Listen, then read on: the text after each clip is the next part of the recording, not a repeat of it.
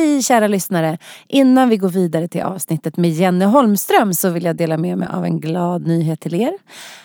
Det blir lite reklam för min onlinekurs som äntligen är släppt och den heter Sju strategier för inre kraft och hållbarhet.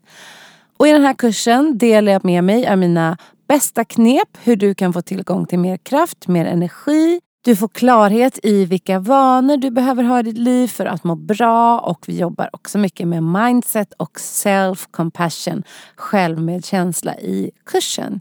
Så om du känner att du behöver lite hopp, kraft och energi nu efter den här tunga våren 2020 så hoppa på tåget. Och då är det så här, du får en öppningsrabatt som gäller fram till den eh, 7 november.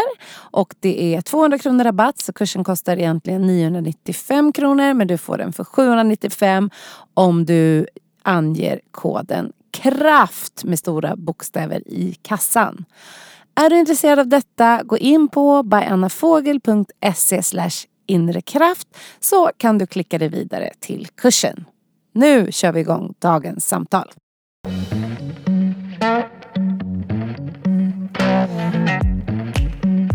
En kaffe med fågel är en koffeinladdad podd om livet inifrån och ut. Här träffar du mig och mina gäster och vi pratar om personlig utveckling, att uppfylla drömmar, mental hälsa, entreprenörskap och mycket mer. Jag som har podden heter Anna Fågel och jobbar som coach, mindfulnessinstruktör, sångerska och låtskrivare. Välkommen!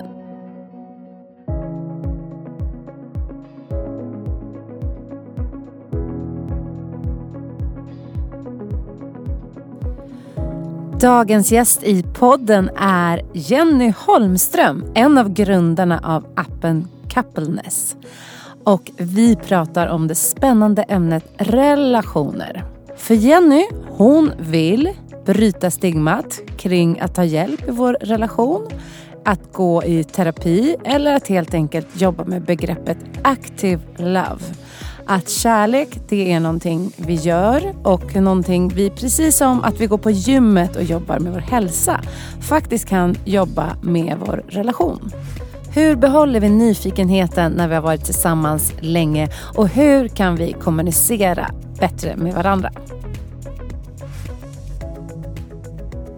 Då vill jag säga välkommen till dig Jenny Holmström till En kaffe med fågel. Tack så mycket. Det är jättekul att du är här. Jag är så pepp. Jag med. Eh, jag brukar inleda med faktiskt med gästerna så här, hur vi har träffat varandra eller hur vi har hittat varandra. Mm. Funderade på det med dig och då tror jag det mm. var att du hade skrivit någonting på poddens Instagram eller kommenterat. Och då blir jag alltid så nyfiken på de som gör det. Ah.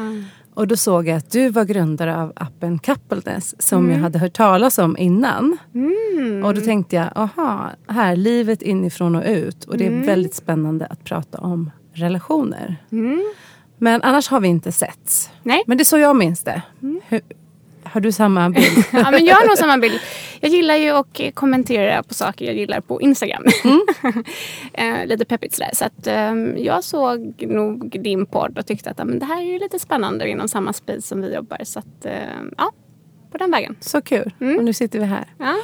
Och vi ska ju prata om ett jättespännande tema idag, nämligen relationer och då framförallt parrelationer. Mm. Eh, och Innan dess så tänker jag att lyssnarna vill veta lite mer om vem du är. Mm. Så om jag bara frågar, vem är Jenny? Oh, alltid eh, en spännande fråga. Jenny är en person som gillar att eh, ta tag i utmaningar och samhällsproblem. Och att jobba med relationer och se varandra i vardagen är liksom det som jag brinner för just nu.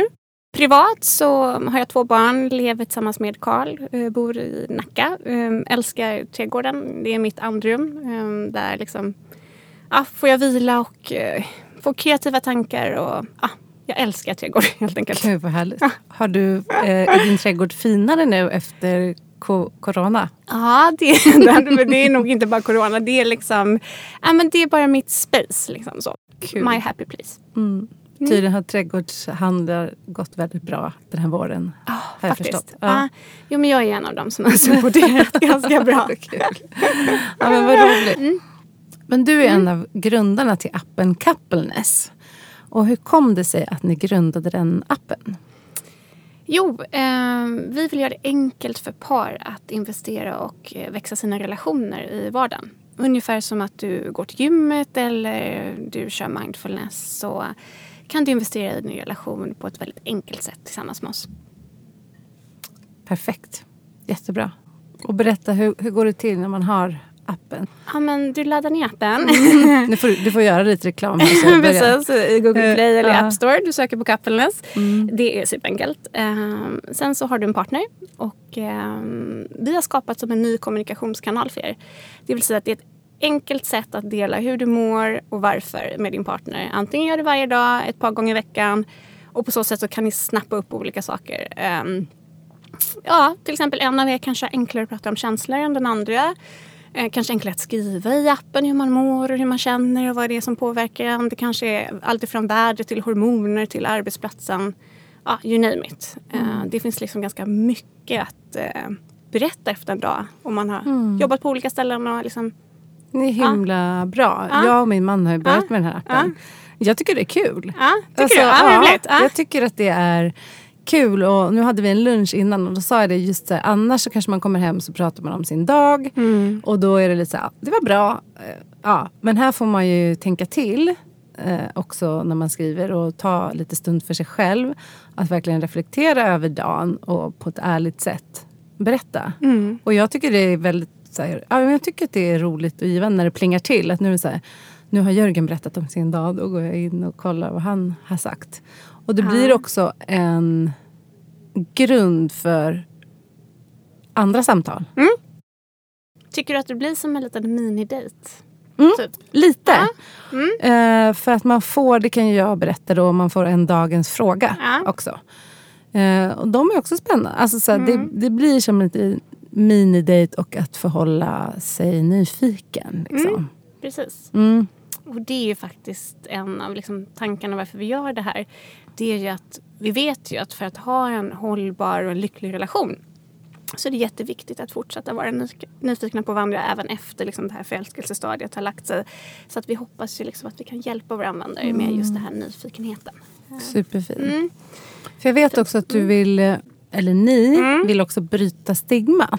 Både att prata om relationen kanske med varann men sen att gå i terapi i mm. förebyggande syfte. Att liksom, vi lever våra liv och det är väldigt lätt att ta sin relation för givet. Att den bara ska funka. Uh, men med andra saker så tar vi ju hjälp. Liksom. Mm. Vi går till gymmet. Men jag är mm. coach. Folk kommer till mig som coach mm. för att få hjälp i mm. privatlivet. Men att också göra det med relationen. Att det finns mycket skam kring det och att det inte är helt naturligt. Verkligen. Eh, det finns forskning som säger att från att du har liksom upptäckt ett problem i en relation så tar det sex år. Alltså sex år till att du söker extern hjälp. Oj, så länge. Um, och jag kan, alltså du vet, om du alltså, har något annat problem i livet med din egna hälsa eh, så tar det oftast inte sex år till att få hjälp. Utan det liksom är ganska så här, ja, du söker hjälp, den hjälp du behöver eller du går till gymmet eller underhåller din mentala hälsa. Men med relationen är det dels stigmatiserat och sen tror jag också att det är, vi har en föreställning, kanske är det så Hollywoodfilmer eller någonting annat som spökar i oss att det ska bara funka. Liksom. Man ska inte behöva jobba på sin relation, den ska bara flyta på. Mm. Eh, men så är det ju inte. Vi behöver jobba på den precis som vi mm. jobbar på mm. vår egen hälsa. Mm. Så att, um, ja, nej, men vi jobbar liksom mycket för att göra det mainstream att investera i sin relation mm. precis som du gör med din egen hälsa. Precis, och det är så bra. Och jag tycker det borde mm. vara så med all typ av hjälp. Även one-on-one terapi eller att vi är liksom uppfostrade att vi ska klara så mycket själva. Mm. Och att i livet istället, för, det borde vara normen att vi tänker att nej, man kan inte klara allting själv. Att faktiskt ta hjälp.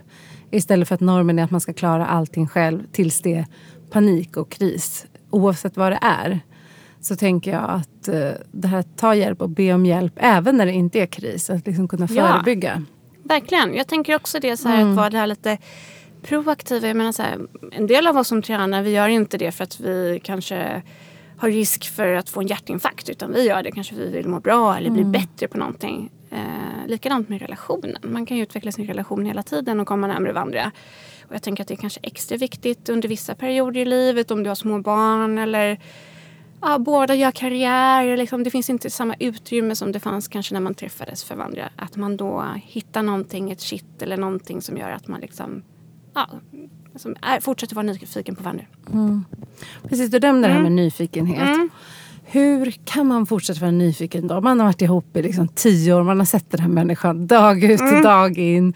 Och man har en så massa praktiska saker. Eh, det ska handlas och det är någon kyl som har gått sönder och det är små barn och det känns inte alls eh, romantiskt och knappt som att man har tid för det.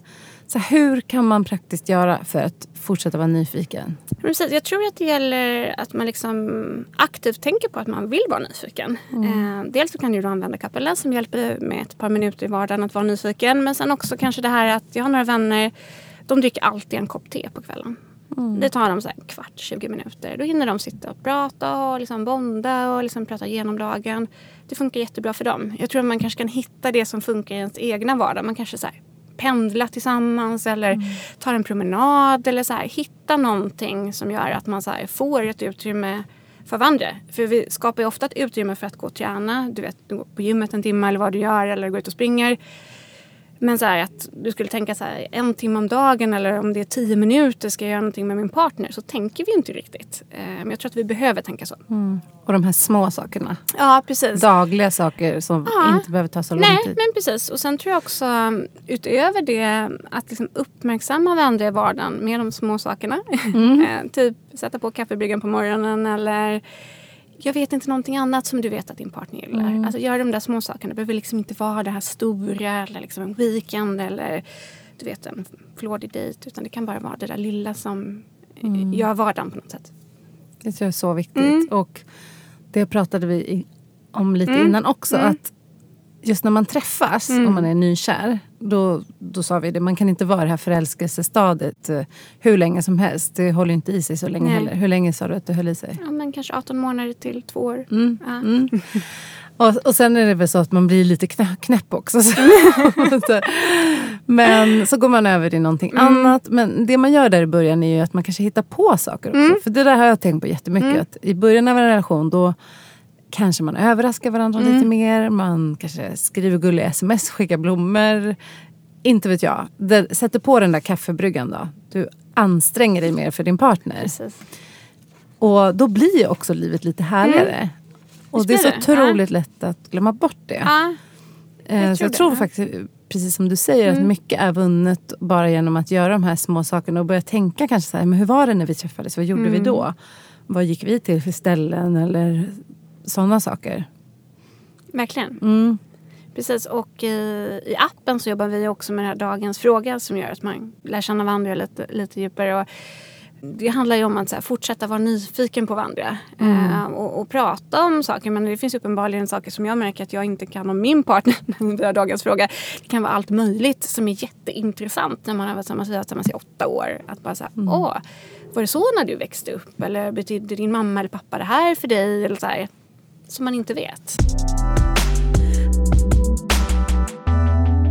Hur gör man då om man har en partner som inte vill prata? Alltså om en vill ha appen eller en vill gå i terapi.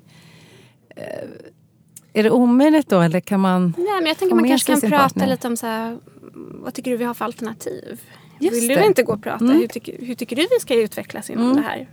Eh, så får man se lite var man landar. Eller med appen till exempel, så här, men vi kan väl testa. Liksom, så här. Tycker du inte att det är någonting för oss? Ja, men då är det inte värre att, den, att det inte är det. det är, vi testar ju mycket annat i livet tänker jag. Så varför kan man inte testa att liksom, investera i sin relation?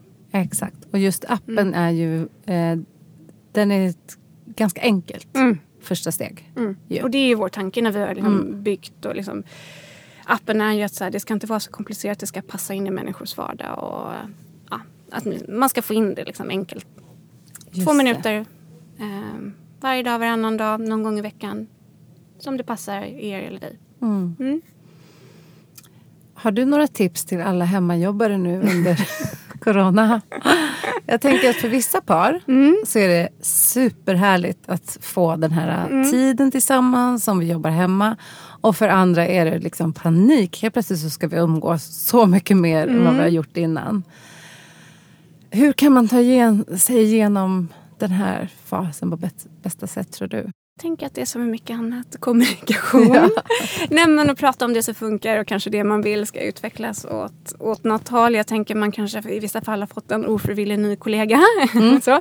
Medan andra tycker att det är jättemysigt för man kan ta en lunchpromenad eller ja, liksom ha tid att och, och snacka lite mer. Men jag tänker så här, kommunicera, hitta liksom en rutin i det här. Um, tror jag. Om jag går till mig själv så har det funkat ganska bra. Um, men jag ser också utmaningarna i det. Ja. Också. Så.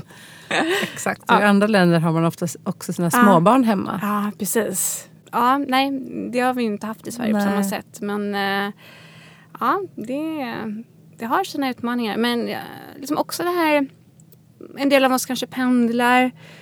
Man lever ett ganska hektiskt liv. Att liksom kunna hämta hem lite nu under corona har personligen varit jätteskönt tycker jag. Mm. Att liksom så här, tempot har gått ner lite. Man har fått lite mer tid för varandra och kanske den här vardagsstressen har minskat. Mm, faktiskt. Mm. Och det vet jag många som har upptäckt, inklusive jag själv. Mm.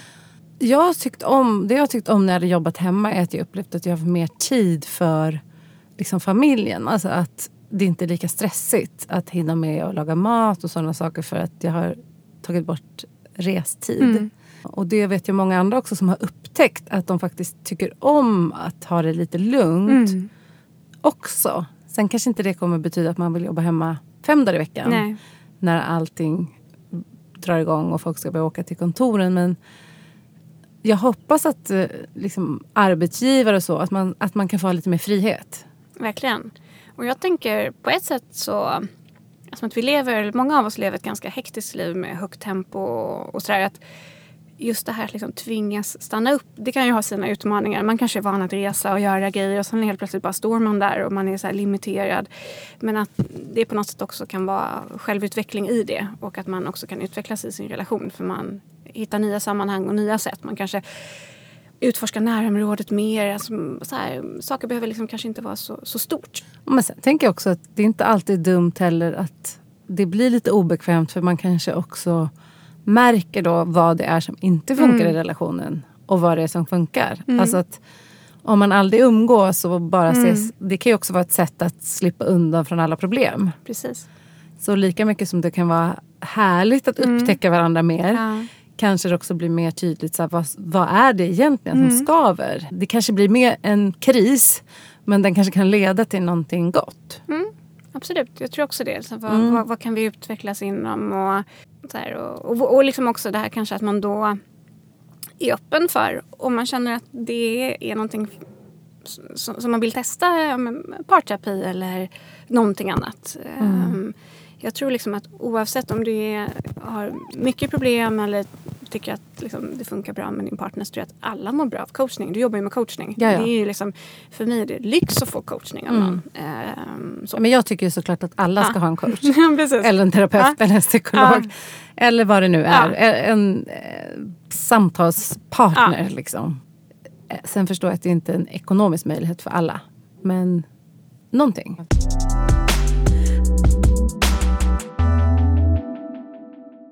En sak mm. som jag är nyfiken på det är ju hur lär man sig kommunicera med sin partner på ett bra sätt? Mm. Uh, för att jag tänker att det är vanligt när man ska prata om någonting som rör ens relation. Det är liksom så nära mm. att man känner sig attackerad och kritiserad och vill gå i försvar. Mm. Har du några bra tips på det? Ja, jag tänker att um dels tror jag man behöver kanske prata i situationer och i sammanhang där man inte är inne i det här försvarsmodet. Förstår du vad jag menar? Typ, eh, har man en diskussion om någonting så kanske det inte är då man liksom pratar om det utan man kanske parkerar det och tar det vid ett annat tillfälle. Så att kanske hitta rätt typ av tillfälle att, att prata i.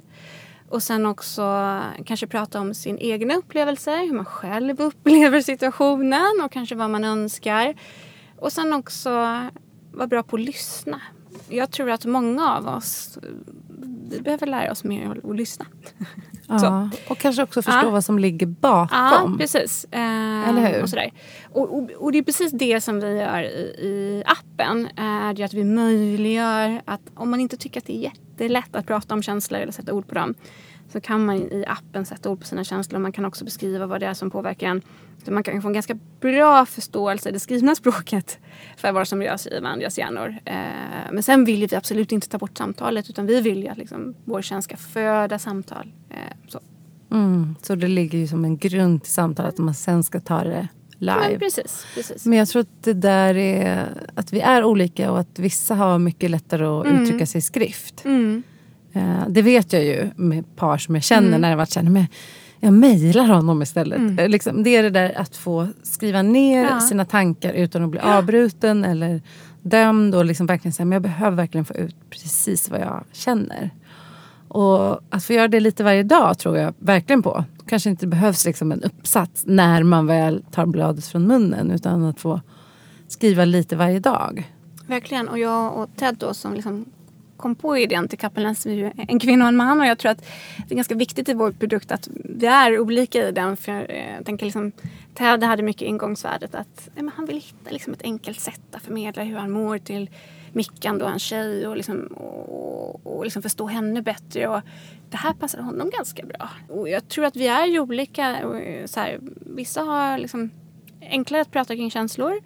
Och vissa har inte det. Eh, men att liksom kommunicera med emojis som vi gör i appen. Det är ett ganska avdramatiserat sätt att göra det på. Eh, och vi känner till liksom det språket. Det blir liksom som ett språk som båda kan. För vi gör det i annan typ av kommunikation. Det är faktiskt ett jättebra Mm. sätt som jag använder ibland i coaching också.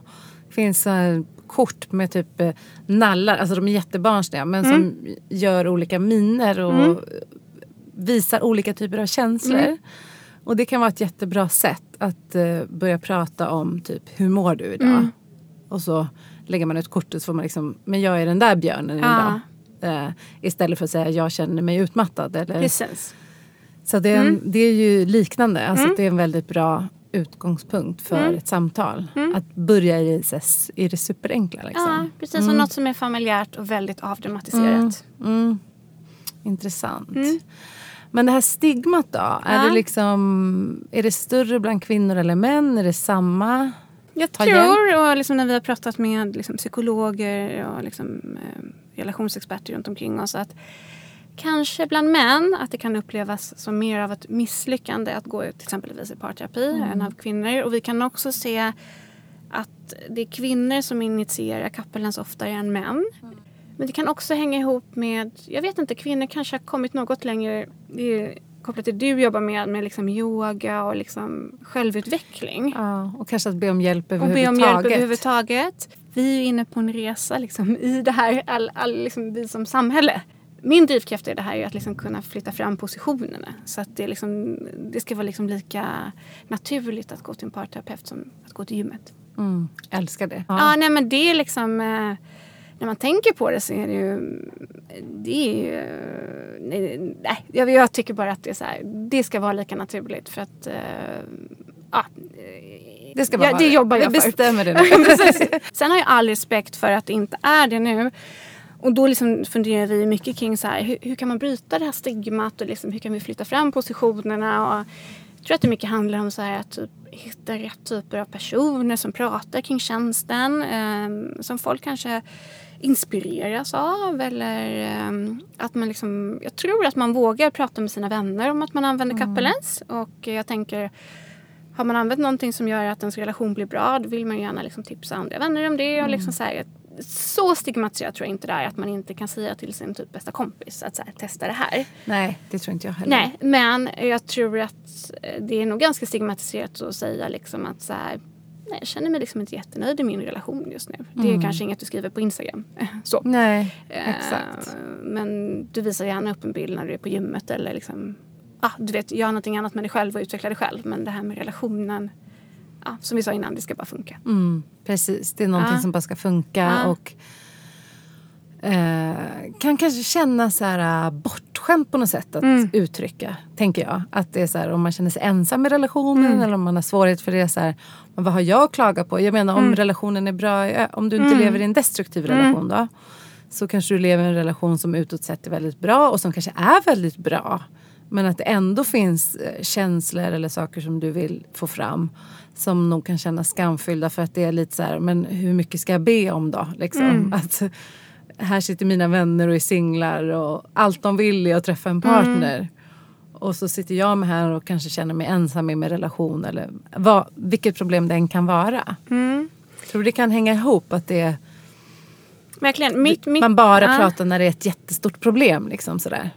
Jo men absolut. Och Mm. jag tror att så här, det vi behöver ta bort det är ju att du, be, du behöver jobba på din relation innan det blir stora problem. Så exakt. Precis så här, innan du har risk för jag vet inte, någon sjukdom eller liksom med din mentala hälsa så jobbar du på att förebygga det och må bra. Det behöver vi göra med relationen. Men för att komma tillbaka till det här med ensamhet eh, så ser vi att det är en ensamhetstrend som sveper över världen. Vi känner oss mer ensamma. Och vi känner oss också mer ensamma i våra rel- relationer. Och det var gärna min, min anledning till varför jag grundade Kappelens var för att jag kände mig ensam i min relation. Jag har en jättefin relation, en jättefin sambo, men jag hade väldigt mycket att göra på mitt förra jobb. Vi var liksom både uppe i jobb och småbarnsliv. Och jag liksom tänkte så här, men gud, det här känns ju inte så roligt. Vi har liksom inte tid för att connecta. Uh, och det var liksom ingenting som jag pratade med någon om. För man gör ju inte riktigt det. Uh, för det är ju ganska så här du skambelagt. pratade inte liksom. med dina vänner då heller om det? Nej, eller? kanske inte så jättemycket. Eh, tror jag inte jag gjorde. Men nu har jag inga problem att prata om det. För att jag förstår att jag är inte ensam i det. Jag vet varför det var så. Liksom så här. Men jag tror att, att vi behöver börja prata mer om det. Utan att det ska ses som ett misslyckande eller att man per definition har det dåligt. Mm. Utan så här, ja, det kanske är så under en period och då kan man hitta olika sätt för att så här, känna sig mindre ensam och komma närmare varandra. För det vet man ju också då genom forskning att liksom, en av de här liksom viktigaste parametrarna för att ha en så här lycklig och hållbar relation handlar om att vara nyfiken och connecta i vardagen. Det vill säga så här, var intresserad av andra och när din partner också liksom bjuder in till att connecta att man då får respons på det. Det är viktigt. Mm. Och där sa du något. För att ha Mm. en hållbar relation, som, en relation som håller Mm. länge. Nu har jag sagt nyfikenhet, Mm. het, eh, connecta i vardagen. Mm. Vilka andra ing- ingredienser tror du behövs? Om man tittar då på Gottman som är eh, världens främsta relationsforskare som Ja. har forskat på tusentals par och liksom tittat på så här, vilka relationer är då hållbara och lyckliga och vilka liksom tar slut. Eh, då lyfter han ju fram det här med att så här, behandla din partner som en bästa vän. Då var nyfiken och det är det som vi har anammat i Kappelans. Liksom. Sen är det två parametrar till och det handlar om hur man bråkar. Och sen handlar det också om att, eh, hur man försonas och liksom hittar tillbaka till varandra efter man har bråkat. Mm, så hur man bråkar och hur man försonas. Ja, ja precis. Hitta, försonas slash hitta tillbaka till varandra. Mm. Liksom. Det är också viktiga parametrar. Om man är ett par som inte bråkar då? Ja, men jag tror att det är lite nyttigt att bråka. Säkert. vet, vet jag tänker på det där med bråk. Ja, Jag tänker mycket också att det handlar om vad man ser är ett bråk. ja absolut. För att jag tror, när, när man tänker bråk då tänker jag så här, åh man kastar porslin och skriker Mm. på varandra Mm. och sådär. Och eh, om jag går till min relation då, vi är inte så skrikiga av oss. Eh, men vi kan ju vara oense om saker. Ja. Så. Och då tänker jag, ja, det kanske är våra typer Mm. av bråk. Säkert. Liksom, mer att så här, Ja. man kan vara oense och sen kan man hitta sätt att lösa det. Men ibland Mm. när jag tänker på bråk så tänker jag så här, borde vi bråka mer? Liksom bråka mer och skrika mer och sådär. Men jag tror att det är hur man definierar bråk. Precis. Och det lät precis som att du hade svaret inom dig att det är liksom, eh, att vara oense kan också vara ett bråk. Exakt. Du nämnde ju det här med självutveckling Mm. och eh, min podd handlar ju om livet inifrån och ut Mm. och lära känna sig själv. Och om jag säger så här, utveckla jaget är viktigt. Mm. Vad tänker du när jag säger utveckla viet? Ja, men då tänker jag på, som när jag lyssnade på hur du presenterar din podd, att det just handlar om att utveckla jaget. Mm. Hur lite i vårt samhälle som handlar om att utveckla viet. Jag är jätteglad för att vi utvecklar jaget, det vill säga att vi jobbar med vår mentala hälsa och vår fysiska hälsa. Och att liksom det inte är så tabubelagt att gå till terapeut eller praktisera mindfulness. Liksom, där har vi flyttat fram positionerna. Men när det då gäller att utveckla viet aktivt, vi brukar prata om liksom active love eller aktiv kärlek då på svenska. Det gör vi ju inte riktigt så som vi behöver idag. Så jag tänker att där finns det så himla mycket mer att göra. Mm. Ehm, så, Superviktigt. ja, så, så fler poddar och fler sammanhang som utvecklar viet. Mm. Tänk just på det där äh, vad man har fått itutat sig kring en relation Mm. också. Från eh, Hollywoodfilmer och så här, hur, hur det ska vara, att det liksom bara ska funka och så Mm. känns det så rätt. Och är det rätt då känns det minsann rätt hela tiden. Mm. Och så här. Det är inte så många filmer liksom som förespråkar det här man ska jobba på sin relation och det här med active love. Utan det, är ju, det eh, skildrar ju ofta väldigt mycket förälskelsen Ja. tänker jag. När man pratar om en lycklig kärlek. Det är klart att det finns liksom andra typer av filmer också men hur tror du Hollywood har påverkat vår bild av kärlek?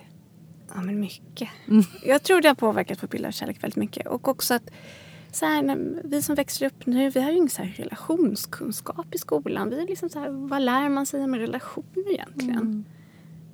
Ja, det är ju filmer så som man tror att andra har det. Alltså så här, vi har ju liksom inte... Vi pratar ju inte så mycket om det. Ehm, det är det vi vill ändra och jag vill ändra på är att vi ska prata mer Mm. kring det. Precis som att vi behöver lära oss om andra saker om vårt egna jag och vår egna utveckling så behöver vi liksom så här förstå mer om relationer. Mm. En jättebra liksom, teori som jag har fastnat för är den här kärlekens eh, språk. Det är spännande. Ja, Du får ehm, berätta om det för lyssnarna för jag är ja. inte säker på att alla vet vad det Nej är. precis, vad det handlar om egentligen är ju att förstå hur du själv eh, liksom vill ta emot kärlek. Eh, och hur din partner eh, vill ta emot kärlek. Eh, och det kan ju vara på olika sätt. Det kan ju vara att den ena av er gillar jättemycket att ge eller få presenter. Men det är inte din partners kärleksspråk utan din partners kärleksspråk kanske är att hen är jättenoga liksom, noga med liksom, detaljer och ja, men, du vet, roddar kring olika saker på ett annat sätt. Fast du vill egentligen bara ha en bukett rosor. Eh, om man drar det till extremen. Så det är jätteintressant. Och när jag själv förstod mitt egna kärleksspråk eh, och liksom vad min partner ger så var det en jätte eye-opener i vår relation. När jag liksom kunde säga att okej, men Carl gör det här för att det är liksom hans sätt att visa kärlek. För, för att visst är det så att du ger ofta det språk du själv vill ha. Ehm, Alltså om du inte har börjat bli medveten om det. Så om mitt Ah. språk är att uttrycka i skrift Ah. till exempel. Skriva gulliga sms. Det är det jag gillar ja, att få. Absolut. Så är det det jag kommer ge. Men om min partner sätter att utföra tjänster. Ja. Så det han kommer ge. Och då Ja. kanske jag tycker så här, men han älskar inte mig för han skriver aldrig någonting gulligt. Men han går ut med soporna hela dagarna. Precis. Alltså, så. Precis. Precis. så om vi inte är medvetna om det så tror jag att vi ger det vi själva vill få. Exakt, Ja. och det var så intressant för att min eh, partner är väldigt noga med mina cykellysen och bryr sig väldigt mycket om mina cykellysen. Vilket jag tycker är urgulligt efter jag förstod kärlekens språk. Men innan dess var jag bara så Mm. här, orkar inte ett sms eller tjat till om att reparera mina cykellysen. Men nu fattar jag. Ah. Ehm, så. Kom Ehm, du fram till vad du själv hade det för? Ja, men jag är nog ganska sådär liksom omtänksam i att uppmärksamma med kanske så här gåvor och lite mer så här ja, ord tror jag också kanske. Mm. Ord och gåvor. Ja, jag tror det. Ja, intressant. Ja, det är väldigt intressant. Och det är ju jättebra för har man koll på det då kan man ju undvika jättemycket missförstånd och också göra grejer som den andra tycker om. Jag tror också många bråk Ja. uppstår sådär. Ja. Att någon säger så här.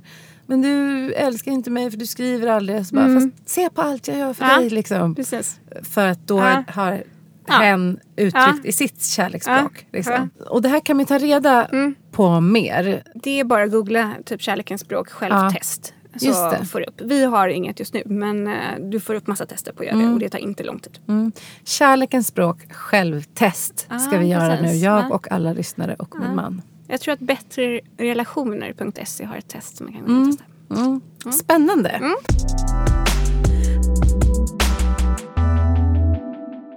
Men du Jenny, Mm. tänkte prata lite om dig också. För att du är ju nu grundare av Coupleness. Mm. Du var också grundare av Porrfri barndom. Du har jobbat med UNHCR. Mm. Och har, som jag förstår, alltid haft ett stort samhällsengagemang Mm. och en drivkraft att liksom vilja göra världen bättre. Mm.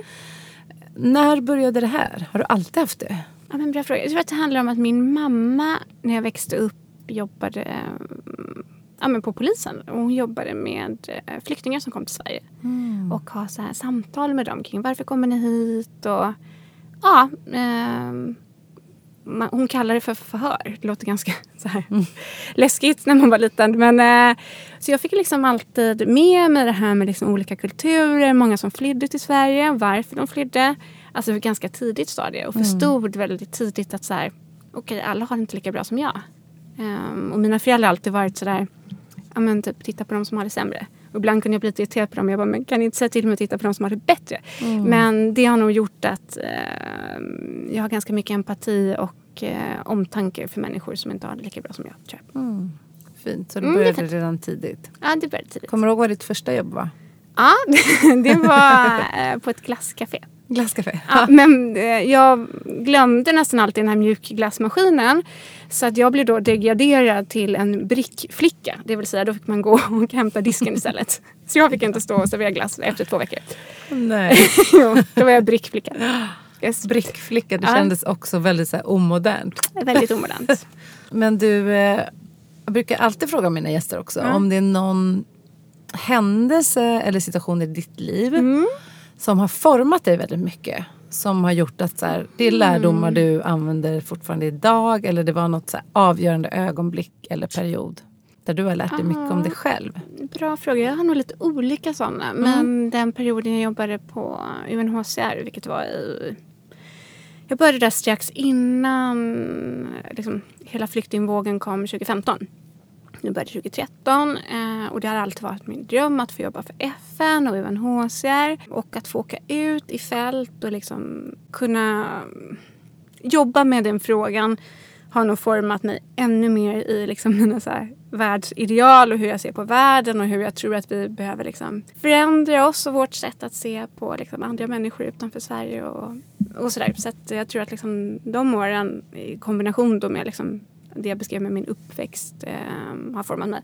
Sen var det ganska jobbigt för mig när jag fick min dotter Flora att vara kvar på UNHCR. Eh, när man mm. fick barn så kände jag lite så här, oh, det är tufft liksom att, att ha, vara nybliven mamma och jobba i liksom den kontexten när man ser så oerhört mycket lidande. Eh, mm. och framförallt med barn. Så jag valde att lämna det och kände mm, så här Du gjorde det i samband med att du blev förälder helt enkelt? Ja, eller ja, efter jag hade varit eh, liksom på min föräldraledighet så kände jag att nej, jag ska nog göra någonting annat nu. Jag kommer liksom så här, jag vurmar alltid för den här frågan, kommer liksom alltid liksom jobba för den men jag ska nog kanske inte göra det. Det är kanske inte det jag ska jobba med mm. framåt. I sådana fall hade jag nog velat åka ut i fält och det mm. kändes inte aktuellt. Nej. Nej. Precis. Nej, och det där tänker jag är nog ganska vanligt också att man jobbar med mm. någonting ett visst antal år mm. och sen av någon anledning så vill man byta och så liksom ta någon annan över det mm. jobbet. Och att det kanske finns en funktion i det också. Att ja.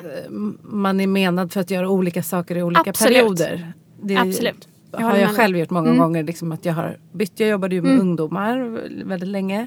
Inom kulturverksamhet. Men kände också efter ett tag att så här, nu är det dags för mig att göra någonting annat. Mm. Liksom, nu har jag varit här i sju år och nu ska jag jobba med människor på ett annat sätt. Men jag tror alltid att jag kommer att brinna för ungdomsfrågorna. Ja. Ja men precis, liksom, man att, har något som Att jag har mitt hjärta där ja. väldigt, väldigt mycket. Mm. Uh, just när det gäller ungdomar och liksom deras rättigheter och hur man pratar om unga. Mm. Och hur, hur, man behandlar unga. Och, liksom, och speciellt då uh, nu jobbade jag i Hallonbergen och jag är liksom uppvuxen i förort. Så det är också mm. så hur förorten beskrivs i media. Så, att, ja. så det finns jättemånga aspekter från de åren i mitt liv som jag nog alltid kommer ha med mig. Mm. Så att jag tänker att det där är så himla naturligt att man har saker i vissa faser och sen tar man med sig det man har lärt sig av sina värderingar in i nästa. Liksom. Verkligen. Och för mig tror jag ungefär i samma veva så landar jag i det här att UNHCR det är FN, det är ganska så här tungrott. Och en annan parameter för mig var att jag ska inte jobba i en sån tungrodd organisation. Jag ska nog göra någonting eget istället. Ja. Eh, då liksom mina egna drivkrafter kan få komma fram och jag bara kan liksom köra på. Och jag passar mycket bättre att jobba så. Mm. Vad kul. Ja. Där känner jag också igen mig. För jag jobbade ju i kommun. Ja. Och sen blev jag egen. Ja. Eh, och det är ju intressant för mm. där är vi olika. Och jag tycker också om när det är väldigt snabbrörligt. Mm. Då funkar jag som mm. bäst. Liksom. Eh, men om man tänker då, nu är du mer i egen och mm. i liksom, lite snabbare puckar. Mm. Och jag kan tänka mig att du får vara med och påverka mycket mm. mer såklart. och så. Vad är det du tycker är roligast med det här sociala entreprenörskapet som du ändå inom? Nej men det är ju att kunna göra stor påverkan för väldigt många människor. Mm. Alltså um, att jobba med liksom, den här möjligheten som vi ger partner att här, växa och fördjupa sina relationer. Det är ju superhäftigt. Mm. Och också, jag har ju alltid jobbat med stora samhällsfrågor när de har varit i sin linda. Jag har liksom jobbat med klimatfrågan, jobbat med flyktingfrågan. Innan jobbade jag med barns konsumtion av pornografi. Och nu då får jobba med relationer. När man känner att så här, okay, det här är ett område. Det bubblar lite men jag kan vara med och liksom pusha det framåt. Det är min drivkraft. Mm. Du gillar att vara där i, i början av Ja, det det hela? tycker jag är jätteroligt. Och vara med liksom och pusha på. Kul! Ja. Eh, är det någonting du tycker är jobbigt? Gud. det är väl liksom eh, så här, man får vara ganska kreativ. Är man i ett storföretag, det finns ju pengar på ett annat sätt att göra saker. Men eh, i det lilla formatet så behöver du vara ganska kreativ och eh, ja, hitta på ganska kostnadseffektiva lösningar vilket i sig är ganska roligt. Eh, men ja, om jag skulle säga någonting som, är, som skulle vara jobbigt det är väl, även om jag kanske inte tycker att det är superjobbigt, men det är det här att så här, man är sin egen och eh, du kan ju lägga hur mycket tid du vill eh, på couples. Men du behöver hitta en balans som funkar med din relation eh, och med dina barn. Just det. Och hur har du lyckats göra det då? Men jag tror att jag har hittat en ganska bra balans där jag, liksom, även om liksom alltid finns i mig, så kan jag liksom stänga av det. Jag kan stänga av ibland om det är någonting jag går och funderar och grubblar på. Jag tar inte alltid med mig det liksom hela tiden. Ehm, så att jag är ganska bra på att vara här och nu. Mm. Jätteviktigt ju. Mm. Jag tänker också att just när man jobbar, nu är jag ju bara en person i mitt företag, Mm. men oavsett vad, om det är en startup eller ett litet företag så kommer det alltid finnas mycket mer man vill göra än vad man Mm. hinner. Eh, och det kan ju vara svårt att acceptera. Men jag, jag tror att det där, är, i alla fall för mig, har varit en så superviktig nyckel. Att se att min vision och min liksom to-do-list kommer alltid vara längre och större och bredare än vad jag hinner med. Och så ho- hoppas jag att jag kan göra allt det där framöver. Men det kommer alltid liksom vara så här någon tid jag behöver gå hem för dagen. Verkligen. Eller hur? Verkligen. Eh, och bara bestämma att så här, Ja. nu tar arbetsdagen slut. Ja. Idag tar ar- arbetsdagen slut fem. Nej, jag hann inte klart. Nej. Fine. Nej, men jag tror för mig handlar det mycket om att liksom, omge mig med rätt personer. Nu har jag hittat ett, liksom, ett toppen-team med, ja, med, Ted, och Peter och Andreas. Där man, liksom, ja, men man känner sig trygg, man kan utvecklas tillsammans och vi liksom har en gemensam vision. Eh, det gör ju att man också får energi och liksom arbeta tillsammans. Och kan vara liksom, ja, men, transparent. Som att Kappelens bygger på att du ska liksom dela hur du mår. På morgnarna när vi har liksom vårt nio möte då, klockan nio, då kör vi alltid en, en stand-up. Då alla berättar hur man mår, vad man har för känslor och vad som har påverkat dem. Eh, och det kan jag verkligen tipsa alla om. på alla arbetsplatser. Eh, det är superbra. Eh, för man kan fånga upp saker. Någon har haft en dålig lämning eller vad det än är. Och då fattar man sen att så här, men om någon är kanske lite kort i tonen eller vad det nu kan vara. Då fattar man vad det beror på. Eller om någon är superglad, men då kanske man blir pepp av det. Och så här. Det är en superbra grej. Det är toppen. Mm. Och det där är återigen en rutin som inte tar så mycket tid. Mm. Nej. Som gör jättestor skillnad ju. Verkligen. Bra. Mm. Vad är du mest stolt över då? Över dig själv? Nej men det är ju mina barn. Ja. Ah, gud. Eh, nej men det är mina barn. Det är så häftigt att se dem utvecklas och växa. Och eh, ja, ibland se sig själv i dem också. Såklart att jag är mest stolt över det. Sen är jag stolt över liksom, det arbetet vi gjorde med Porr för barndom. Och eh, det jag gjort med UNHCR också. Eh, alltså att, så här, att kunna ta stora samhällsfrågor, paketera dem och, och nå ut till allmänheten och, och skapa liksom, förändring. Eh, det har varit liksom, jätteroligt och det är min drivkraft i det jag gör nu också. Mm. Fantastiskt. Mm. Och det här är ju liksom en annan typ av samhällsfråga. Om man, tänker, ja. om man tänker till Ja. porr, till klimat, Ja. till flyktingfrågan, Ja. nu är det relationerna. Ja. Den känns ju mer så här mindre. Ja. Och samtidigt så tänker jag att alla har relationer Ja.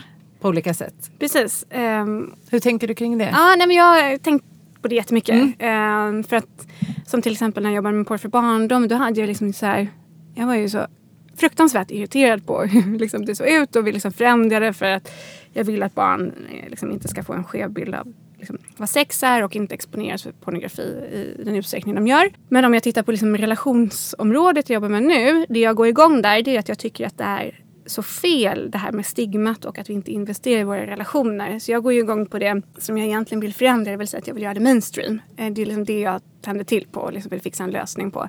Så på det sättet så är det också en problematik i det Exakt. som jag vill lösa. Mm. Och det är det jag tycker är, liksom, det, är, det, är det jag mm. tickar igång på. Mm. Intressant. Mm. Vi ska snart börja avrunda. Mm. Men det har ju varit så kul att prata med dig. Och Samma. jag undrar om det är någonting som jag har glömt att fråga. Som du vill skicka med till lyssnarna. Mm, men det skulle väl vara en, en tanke som jag fick med mig. Eh, var det här att eh, vet du din partners drömmar, det vill säga framtidsdrömmar? Eh, när jag liksom läs, läser mycket om relationer nu så kom den frågan upp. Och eh, jag var lite så här, hmm, vet jag verkligen det här? Eh, och jag tror att ganska många när jag delat den frågan kanske inte har 100% koll. Men att ha liksom att veta sin partners drömmar, det är ganska häftigt. För att man kanske kan också göra det till sina egna drömmar och ens gemensamma drömmar och liksom hitta någon gemensam vision i det. Och det tycker jag är lite coolt. Fint! Mm. Min mamma brukar alltid säga så att man ska ha ett gemensamt projekt i framtiden. Mm. Ja, jag gillar det. Eh, mm. Det hör lite ihop mm. med det. Men mm. först som du sa, att veta sin partners drömmar. Men sen också att ha någonting gemensamt att se mm. fram emot tror jag är en väldigt stor nyckel. Mm. Mm. Jag med. Fint. Vi lyssnar på din mamma. Du får lyssna på mamma. Drömma tillsammans och ja. var för sig. Liksom. Ja. Drömma. Mm. Fint. Var hittar vi er? För nu kanske lyssnarna blir väldigt nyfikna mm. på både dig och på. Mm. Och eh, hur hittar de er i sociala medier? På Instagram så heter vi du Coupleness. Jag heter JC Holmström. Och sen så hittar ni oss i Google Play och i App Store om ni söker på Coupleness. Toppen! Yes. Tack så hemskt mycket Jenny för att du kom till podden. Tack själv, det, det var jätteroligt. Jättekul! och tack till er som har lyssnat också. Hej då! Hej då!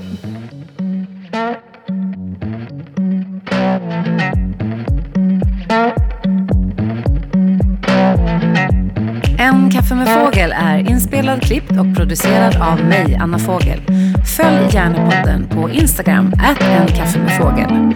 Vill du komma i kontakt med mig för kurser, coaching eller andra samarbeten? Kontakta gärna mig på www.byannafogel.se anna.byannafogel.se eller gå in på Facebook med samma namn.